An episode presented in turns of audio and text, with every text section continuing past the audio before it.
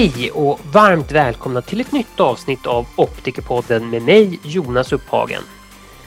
Optiker Göran Sköld är i mina ögon en av de stora namnen i optikbranschen. Göran har en lång meritlista men numera så ger han bland annat utbildning i samsynsproblematik. I dagens avsnitt ska vi lära oss mer om datorprogrammet HTS2 som används av många optiker för att behandla samsynsproblem. Med hjälp av dataprogrammet kan patienten nämligen få stöd i sin samsynsträning via sin dator eller läsplatta.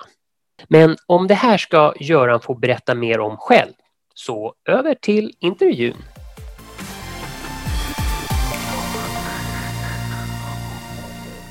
Hej Göran och varmt välkommen till Optikerpodden. Tack. Eh, jag är jätteglad att du tar dig tid att prata med mig så här. Men vi kan väl som vanligt börja med att du ger en presentation av dig själv så att lyssnarna vet vem jag pratar med. Tack för att jag får delta. Jag heter Göran Sköld och eh, jag är då optiker. Jag gjorde min grundutbildning i Kongsberg i Norge på 70-talet. Jag var nog den första svensken som gick deras utbildning som redan då var en högskoleutbildning och det hade inte vi i Sverige då. Jag fortsatte efter det med min kontaktlinsutbildning också i Kongsberg. Och jag ansökte sen då om svensk legitimation som optiker när jag kom tillbaka. Och jag är nog en av de få, kanske den enda jag känner till som faktiskt fick, tvingades att visa upp ett betyg i socialmedicin för att få legitimationen. Så jag fick ta eh, en eh, examination, läsa på och eh, bli förhörd och fick ett betyg. Just det här hade jag inga problem att acceptera alls. Eh, och jag kan nu till och med tycka att det borde nog vara ett krav för alla som inte är utbildade i Sverige.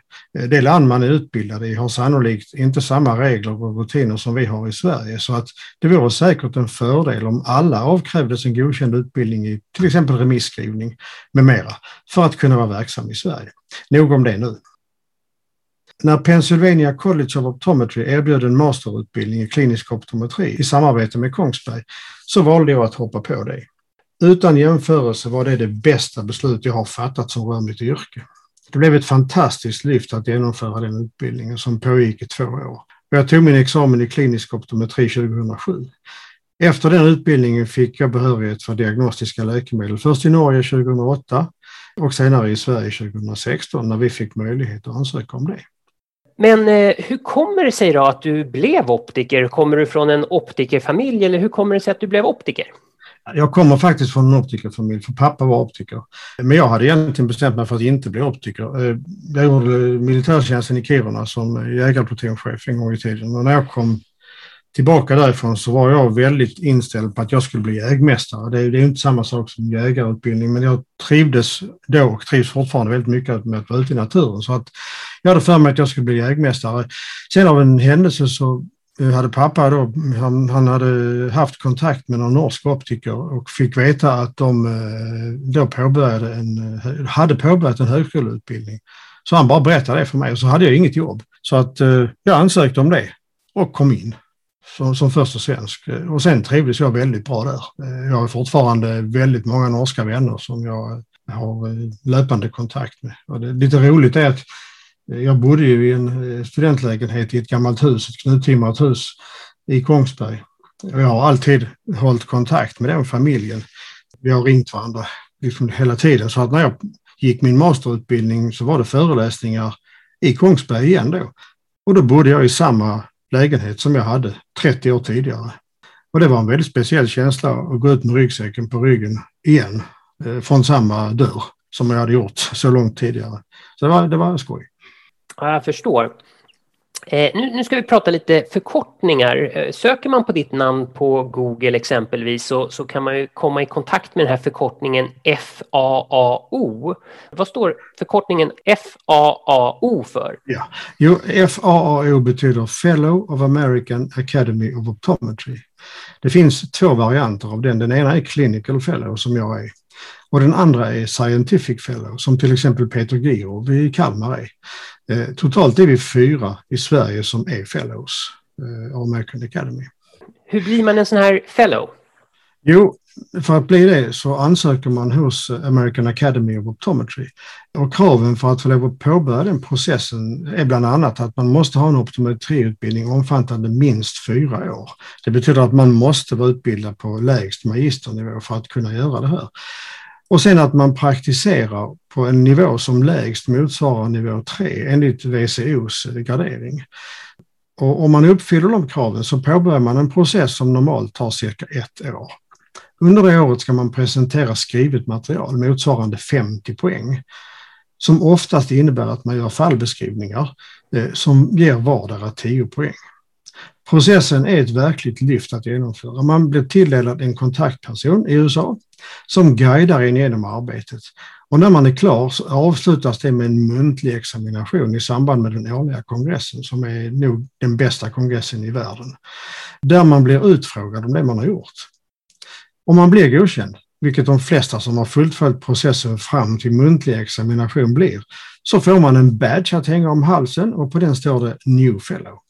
Och den bär man liksom under resten av kongressen. Och alla man möter, oavsett om man känner dem eller ej, kommer fram och gratulerar till bedriften. Eh, på, samma, på kvällen samma dag är det sedan då en bankett där alla nya fellows presenteras på scen, var och en med sitt namn. Efter fellow kan man sedan fortsätta med en process som leder till diplomat inom något speciellt område. Det kan vara i glaukom till exempel eller i kontaktlinser eller andra områden finns det också. Jag kan verkligen rekommendera alla att, att bli fellow. Det är verkligen ett lyft för de som genomför det. Jag gjorde detta 2009, så att ett år efter, eller egentligen två år efter eh, min examen så var jag klar med detta. Vart ägde den här utfrågningen rum någonstans? Vart var det någonstans? Ja, det är ju då på, i mitt fall var det i Orlando i Florida. Då var det den årliga kongressen, American Academys årliga kongress. Och eh, då får man en, eh, en tid, ett klockslag en dag och så eh, sitter man där och så kommer de att kalla på en och det sitter det fem, sex, sju personer vid ett bord och ställer frågor hela tiden till en.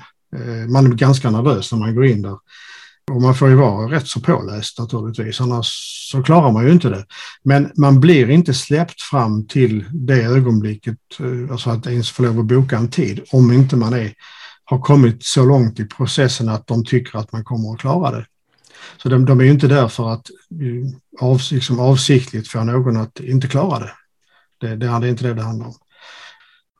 Den här, du, du sa att man kunde eh, gå vidare sen till en annan titel. Eh, är ja. det någonting som du har gjort? Har du jag, gått vidare? Jag har, inte gjort, jag har inte gjort det och det hänger lite samman med min ålder. För att jag, jag är ju inte kliniskt verksam längre nu sedan ja, snart två år.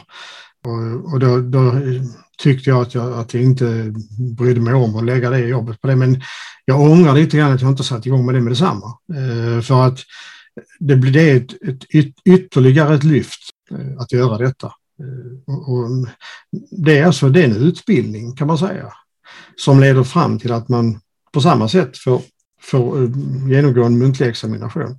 Och sen är man då diplomat inom glaukoma till exempel, som är ett av mina intresseområden också. Jag förstår.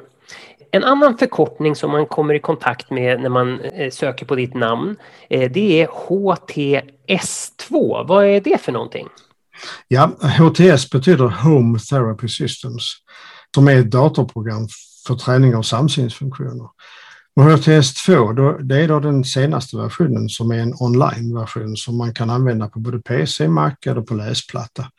Och man kör det programmet direkt i en webbläsare så att ingenting installeras. Eh, så att det är det HTS2 betyder. Så det här är ett program för att, för att träna för att bli av med samseende problem helt enkelt?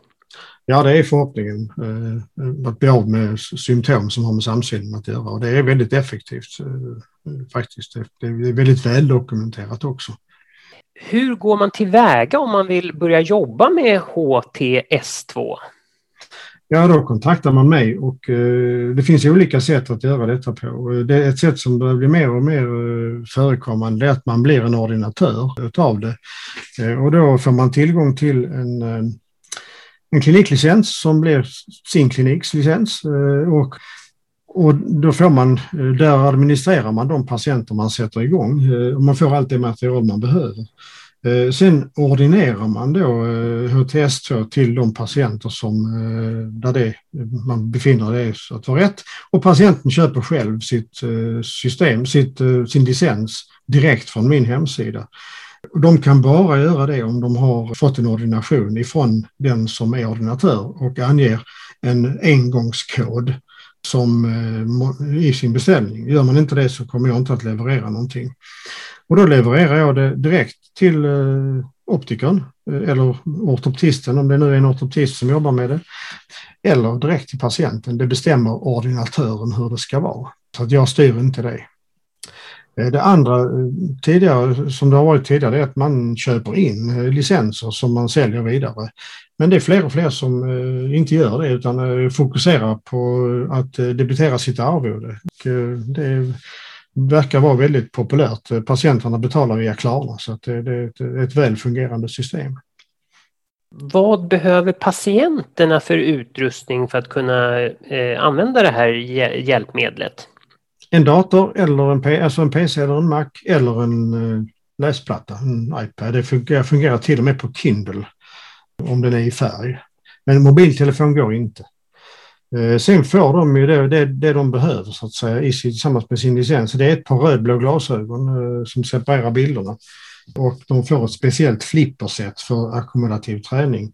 Det är inte var, samma flippers som vi ofta använder när vi undersöker utan det här är flippers som är gjorda på ett speciellt sätt för att träna ackumulation monokulärt under binokulära förhållanden. Jag förstår. Ja, men då har jag fått lite mer förståelse vad HTS2 är för någonting. Ja. Okej. Eh, hur, hur skulle du definiera samsynsproblem? Ja, alltså samsynsproblem det är ju en stor fråga att besvara. Jag väljer att göra det kort. Eh, och kort kan man säga att det omfattar störningar i ögonens förmåga att skapa och bibehålla fokus, i ögonens förmåga att röra sig och att samarbeta koordinerat. Funktionerna är komplexa eftersom både ackommodation, vergenser och motilitet är involverade samtidigt oftast så krävs att man undersöker alla de komponenterna för att eh, konstatera om det föreligger samsynsproblem. Vilka symptom är vanliga vid samsynsproblem skulle du säga? Ja, återigen då, eh, att eftersom både ackommodation, divergens och motilitet oftast är samtidigt involverade så rapporterar patienterna symptom med oklart seende, speciellt på avstånd efter att ha läst, huvudvärk, svårigheter att koncentrera sig, nedsatt läshastighet och eller läsförståelse med svårighet att följa raderna vid läsning och behov att läsa om rader till exempel, dubbelseende, yrsel, åksjuka, trötthet, känsla av ansträngda ögon, tunga ögonlock och det här är de vanligaste symptomen. Flera av de här för, symptomen förekommer även hos personer som saknar eller har felaktig korrektion. Har du några uppgifter om hur vanligt det är med samsynsproblem? Ja, det är mycket vanligt. Eh, bland de patienter som optiker och optometrister träffar så är det så här att ackumulativa problem bland icke-presbyoper har en rapporterad prevalens på mellan 15 och 20 procent. Vergensproblem där konvergensinsufficiens är vanligast har en rapporterad prevalens som ligger på 7% till cirka 15 Och för båda de tillstånden så gäller att prevalensen är högre för lägre åldrar än de, än de siffror jag har sagt. Och man kan därför på väldigt goda grunder anta att alla optiker som ser personer med de, med de här problemen eh, i sin dagliga verksamhet, det kommer vi att göra. Upplever du att det finns en stor okunskap hos optiker kring samsynsproblem? Nej, det tror jag inte att det är. Eh, utbildning i det här ingår i grundutbildningen av optiker sedan länge. Däremot kan man få intrycket av att det inte ingår i undersökningen hos många optiker. Eh, orsaken till detta det har jag faktiskt inget svar på. Eh, jag publicerade i Optik Digital tidigare år en artikel tillsammans med min dotter Alexandra om just detta. Vi hade undersökt 133 patienter som hade remitterats för logopedisk utredning. Resultaten av det indikerar att undersökningar av eventuell förekomst av samsynsproblem inte inkluderas vid undersökning, varken hos ögonläkare eller hos optiker i majoriteten av fallen. Okej, ja det, det var ju inte så bra. Nej, Nej eh, jag. Ja, jag förstår. Men det har, ingenting med, alltså det har ingenting med bristande kompetens att göra. Eh, det är jag helt övertygad om att det inte har. Nej, jag förstår. Det kanske är att det inte alltid ges tid till det här helt enkelt. Så kan det vara. Så kan det vara. Nu, nu, vet jag inte riktigt om det stämmer det här, men jag tittade på en hemsida som jag kopplade till dig och där stod det att man kunde boka en samsynsanalys. Vad gör man då på en sån här samsynsanalys? Ja, det är ju på eh, mitt företag som jag har haft. Min dotter har ju tagit över min del av det företaget, för det är hon som eh, har, hon och hennes sambo har ju mina patienter. Ja, man går igenom ett stort antal funktioner. Det innebär preliminära undersökningar, undersökning av eh, ögonens ställningar och rörelser, i tillägg naturligtvis till refraktion. Resultaten av det här sammanställer man och så gör man en analys för att identifiera eventuell förekomst av samsynsproblem. Eh, normalt reserverar vi 90 minuter för undersökning och analys och efter det tillkommer det tid för att skapa en rapport som beskriver problemställningen. Så det är ganska lång tid som läggs på detta. Vad skulle du säga är de vanligaste kliniska fynden som man gör under en sån här samsynsanalys? Kortfattat kan, igen då kan man säga att det är resultat som är utanför de förväntade värden vi har vid undersökning av ackommodation, divergenser och ögonrörelser. Den som inte riktigt har de här eh, siffrorna uppdaterade, vad är ett vanligt värde på ackommodationen exempelvis? Och när det gäller just ackommodation, minimivärdet förväntat är 16 dioptrier minus en tredjedel av åldern. Eh, och det är, det är ganska lätt eh, tal att, eh, att ha i huvudet. Och jag, jag tycker man ska försöka använda dioptrier. Därför att det är dioptrier vi sätter i folks glasögon och det är dioptrier som finns i folks kontaktlinser snarare än att räkna i centimeter. Det är inte fel att räkna i centimeter naturligtvis, men då får jag räkna om det till dioptrier. Så att ehm, det är så att jag har gjort eh, ett litet program som kallas för syndromindikatorn. Det är så att samsynsproblem är ju ett, eh, kan man säga, kalla för ett syndrom. Olika sorters syndrom som är en kombination av olika avvikelser inom olika delmoment. Och med den här syndromindikatorn så kan man då klicka i på skärmen direkt eh, att här var det ackommodation, det är konvergensnäpunkt eller vad det nu är för någonting som är avvikande. Och då kan man också läsa normtalen. Syndromindikatorn, den är inte så dum för folk att använda. Alla som har, arbetar med HTS2 har den eh, liksom automatiskt som tillgång till den. Eh, vill man inte arbeta med HTS2 eller man, eh, om man hellre vill arbeta med annan typ av samsynsträning på mer traditionellt sätt, som inte är något fel, absolut inte, så kan man ändå få tillgång till syndrom, syndromindikatorn. Då får man betala lite för det. Syndromindikatorn har visat sig väldigt populär faktiskt. Den, den hjälper en att efterhand få mer och mer känsla för, för problematiken. Okej, okay, ja, jag förstår. Vad är det ungefär för kostnad för att få tillgång till syndromindikatorn? Man kan säga att det är, det är under 10 kronor per gång man, per, per 15 minuters användning. Och på den tiden kan man ju eh, göra många patienter. Alltså, jag kan ju ha liksom, patienter jag har undersökt och eh, så, så loggar jag in och när jag har loggat in så är den öppen i en kvart. Sen automatiskt blir man utloggad. Det är ett säkerhetssak eh, att, att jag har gjort så. Och jag har valt tiden 15 minuter för att det, det räcker med gott mått till för en patient men det ger också utrymme för många fler om man vill det.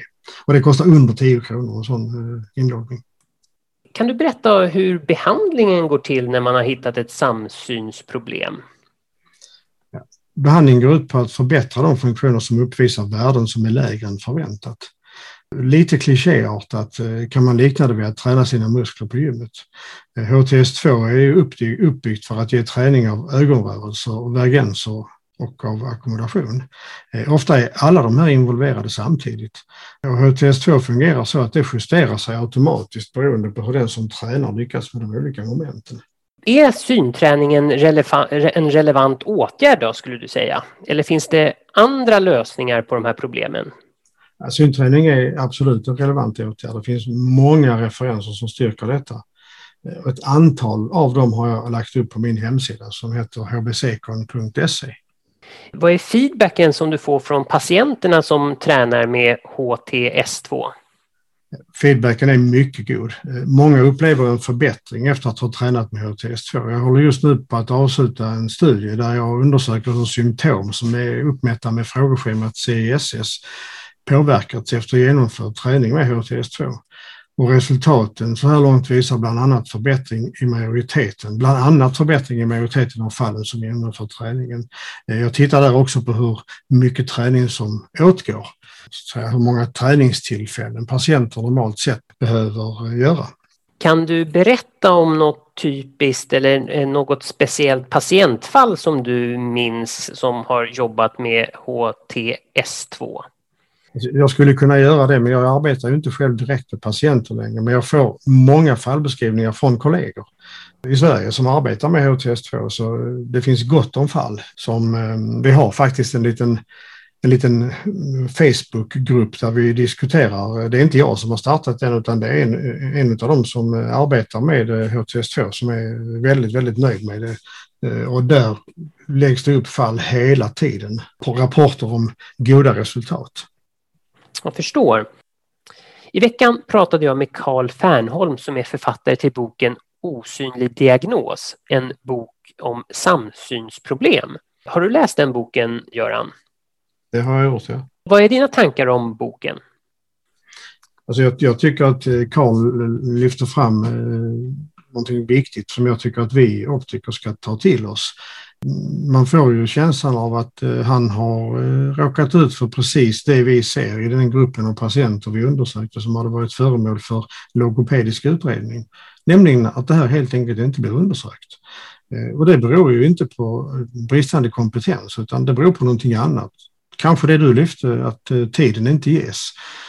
En sak som är kanske är viktigt också att framhålla det är att man måste komma ihåg att vi och ögonläkare, även om vi har så att säga, kompetens för det här så har vi ett lite olika eh, så att säga, arbetssätt eh, när det gäller, vi, vi optiker träffar ju de huvudsakligen friska människor där det inte är någonting patologisk bakgrund.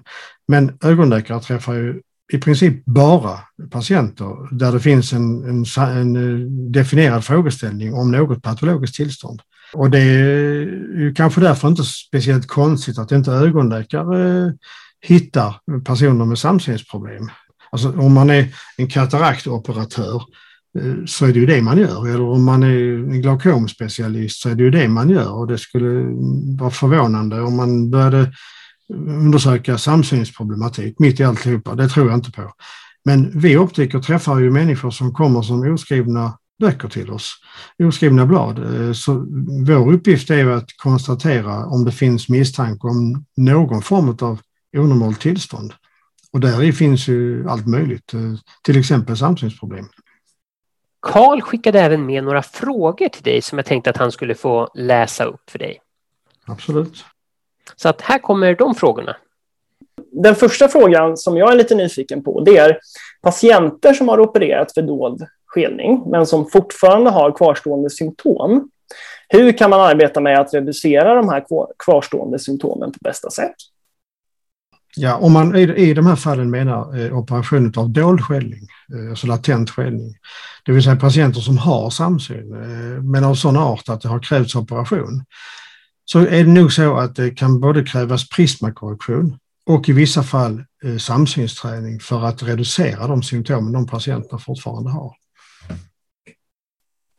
Ehm, den andra delen som jag tycker skulle vara spännande att få höra lite mer kring, det är just eh, synträning eh, när man har samsynsproblem. Eh, jag har inte berört det så jättemycket i min bok, utan jag har fokuserat ganska mycket på prismaglasögon, framför allt för att kopplingen då till dåliga vertikala skelningar, när man har det så behandlar man med prismaglasögon. Men det finns ju även synträning, så det skulle vara spännande att förstå lite kring vilka typer av samsynsproblem som, man, som är effektiva att behandla med synträning och, och hur man gör detta. Ja. Eh, generellt kan man säga att eh, det dels gäller fall där det finns funktioner där vi kan påvisa avvikelser. Men också att patienten är motiverad att lägga ner arbetet som träning kräver. För det är, kräver, kräver en motiverad patient. Just konvergensinsufficiens kan ofta framgångsrikt behandlas med samsynsträning. Och det gäller också för ackommodativa tillstånd som är mycket vanligt förekommande. Sen undrar jag också om det finns ett samband mellan kataraktoperationer och samsynsproblem. Så det skulle vara spännande att, att få höra lite mer kring. Ja, för, för, patienter som av olika anledningar har gått länge med katarakt som har gett stor synnedsättning på ett öga eh, och som inte har opererats så kan resultatet bli samsynsproblem som måste åtgärdas. Detta är mindre vanligt nu för tiden därför att det, vi har nästan inga väntetider för operation. Tidigare när jag började som optiker var det inte så ovanligt att vi såg detta.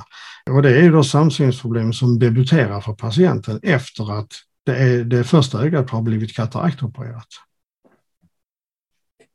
Sen den fjärde delen, det kopplar till det jag gärna har lyft fram i vårt samtal här kring symptombilden och att den generella kunskapen, om man tar liksom inom hela sjukvården, för det är ju någonstans där man, det är ändå viktigt att sprida det här också, då, förutom de som jobbar med ögon.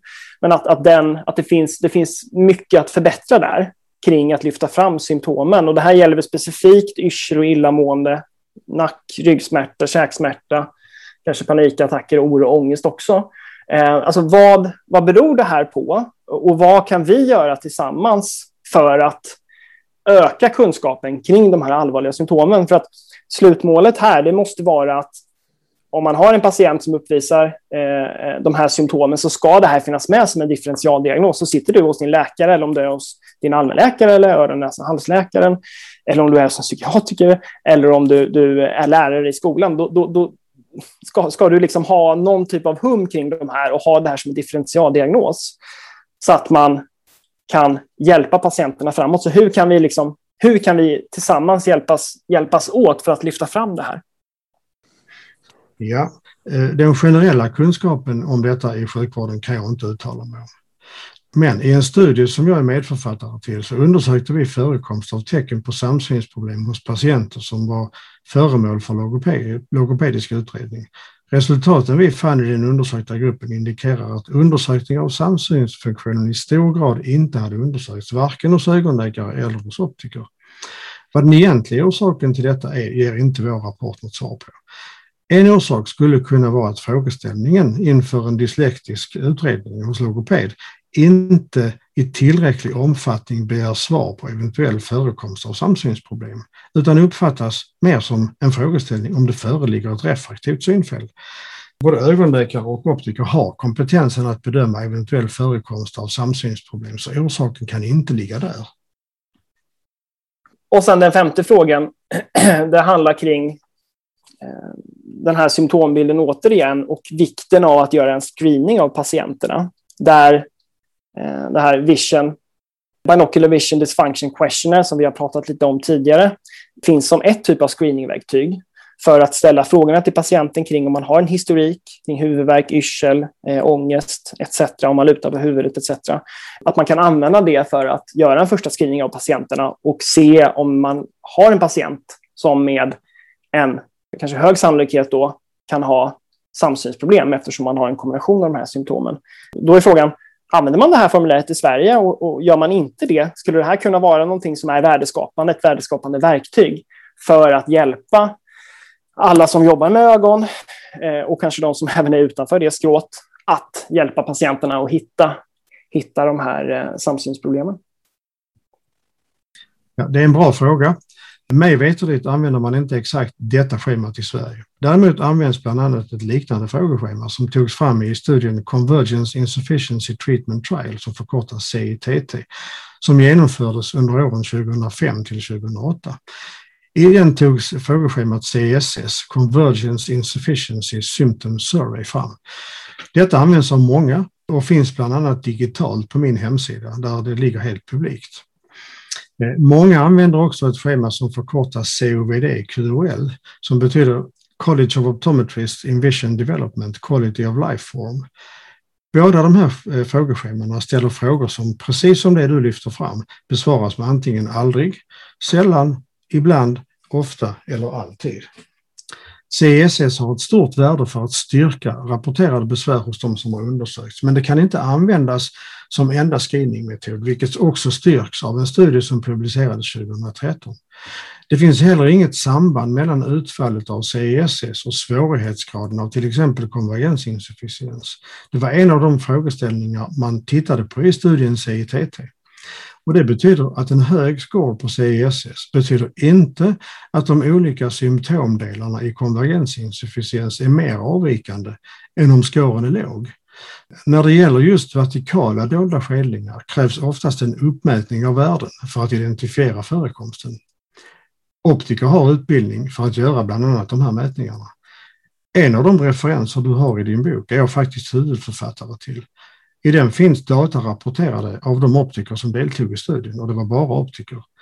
Och där rapporterades uppmätta vertikala latenta skedningar och resultatet av det i förhållande till existerande normtal.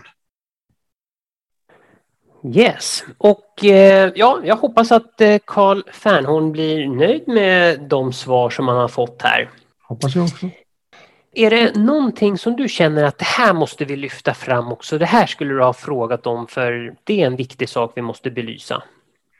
Alltså jag gärna kan lyfta fram är att undersökningar och samtyden måste ingå om man ska kunna fatta ett adekvat beslut för eventuella åtgärder för den patient man undersöker. Att bara eh, undersöka om, alltså vad som behövs för glasögon, det är inte tillräckligt. Eh, det finns ju fler saker, men, det, men just eh, undersökningar av samsynen måste vara med på, eh, på det smörgåsbordet. Och att det inkluderas krav på utlåtande om eventuell förekomst av samsynsproblem vid undersökning som görs inför logopedisk utredning. En metod som skulle öka sannolikheten att upptäcka samsynsproblemen det är den trestegsmetod som jag beskriver på min hemsida. Och eh, jobbade alla optiker med det som standard och det går väldigt fort så skulle man identifiera många fler fall. Skulle du kunna berätta vad den här trestegsmodellen är för någonting? Ja, det, det, kan jag göra. Eh, det är så att man, eh, de tre stegen är först CSS eh, och därefter binokulär och monokulär ackommodationsfacilitet och vergensfacilitet. CSS-schemat finns digitalt på min hemsida. Eh, den kan man sätta i händerna på sin patient i väntrummet eh, med eh, att man surfar in på den på en läsplatta och ber patienten att besvara frågorna och sen tala om eller visa vilket, vilket slutsumma det blev, för den räknar automatiskt ut det. Och sen gör man binokulär ackommodationsfacilitet, BAF och MAF och jämför det med på de patienter som så att säga har värden över förväntade värden på CSS. Man gör inte det annars. Och även Vergensflex. Och finner man då att någon av de här BAF och MAF och Vergensflex ligger utanför förväntade värden, då går man vidare och gör en, en fullständig utredning eh, med uppmätning av alla, alla de undersökningar man behöver göra. Och eh, det här första steget som du pratade om, eh, är det ett frågeformulär som heter CSS? CISS, ja. Det är den Convergence Insufficiency Symptom Score som jag har översatt till svenska. Den, den ligger under menyn verktyg på, eh, på min hemsida och den är helt fri att använda. Jag, inga data sparas. Så att jag, jag samlar inte in någonting utan den är bara till för att man ska kunna låta sin patient klicka där. Det är 15, okay. 15 frågor är det man svarar på. Ja, men det ska jag kolla upp. Den ska jag titta lite närmare på. Absolut. En annan fundering som jag har, det är att jag vet ju att 2019 så var du ansvarig för Optikerförbundets glaukomprojekt i Region Skåne. Ja. Eh, kan du berätta vad som har hänt inom det projektet? Har du någon uppdatering du kan ge därifrån? Ja, det har jag. Eh, Region Skåne har då haft en grupp eh, som har arbetat med tillgängligheten inom ögonvården. Eh, och I den gruppen har jag varit med som representant för Optikerförbundet. Glaukomprojektet tillkom när jag av den gruppen fick uppdraget att återkomma med vad Optikerförbundet kan göra för att minska belastningen inom den övriga ögonvården. Och det jag gjorde då med glaukomprojektet var att med data, siffror, alltså aktuella, eh, aktuella data visa vad vi optiker faktiskt gör. Jag har tyckt att det har saknats hela tiden. Och det här, med de här data till grund eh, så låg det sen till grund för en rapport som Rune Brautaset och jag gjorde och som blev Optikerförbundets förslag till Region Skåne. Och titeln på den rapporten är, och förslaget är att utnyttja optometrister som primär instans för att skapa ökad tillgänglighet inom ögonvården i Region Skåne. Och det lämnade vi ifrån oss, eller Rune då lämnade ifrån sig Optikerförbundets namn förra året. Sen kom ju pandemin och ställde till det för, så att eh, den här, nu drivs frågan vidare av Optikerförbundet och det är Rune Brautaset som eh, har den kontakten. Eh, så att jag är inte involverad i det längre. Ja, men då tackar jag för den uppdateringen. Hur ser framtiden ut? Vad har du för planer framöver? Jag kan berätta för dig att jag kommer att eh, vara föreläsare i Kalmar i höst i, på deras masterutbildning på, just på samsyn. Ja, vad kul. Ja, men där tror jag du kommer passa in bra. Där tror jag du hör hemma. Kanske, vi får se. Yes, nej men i sådana fall så tackar jag jättemycket för att du tog dig tid att prata med mig så här i Optikerpodden. Tack ska du ha. Då tackar jag igen Göran för att han tog sig tid att prata med mig i Optikerpodden.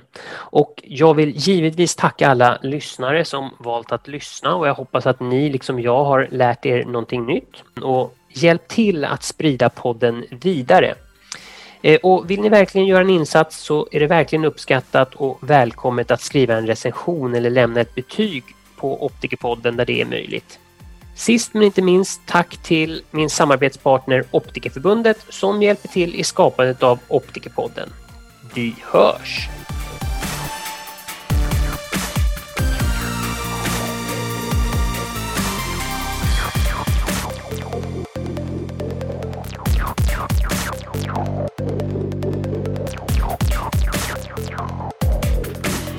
Så, ursäkta. Katten, jag, har en katt här som råkade riva ner musen här så att nu tappade jag kontroll över eh, tangentbordet här. Okay. Eh, men nu har katten flyttat sig här.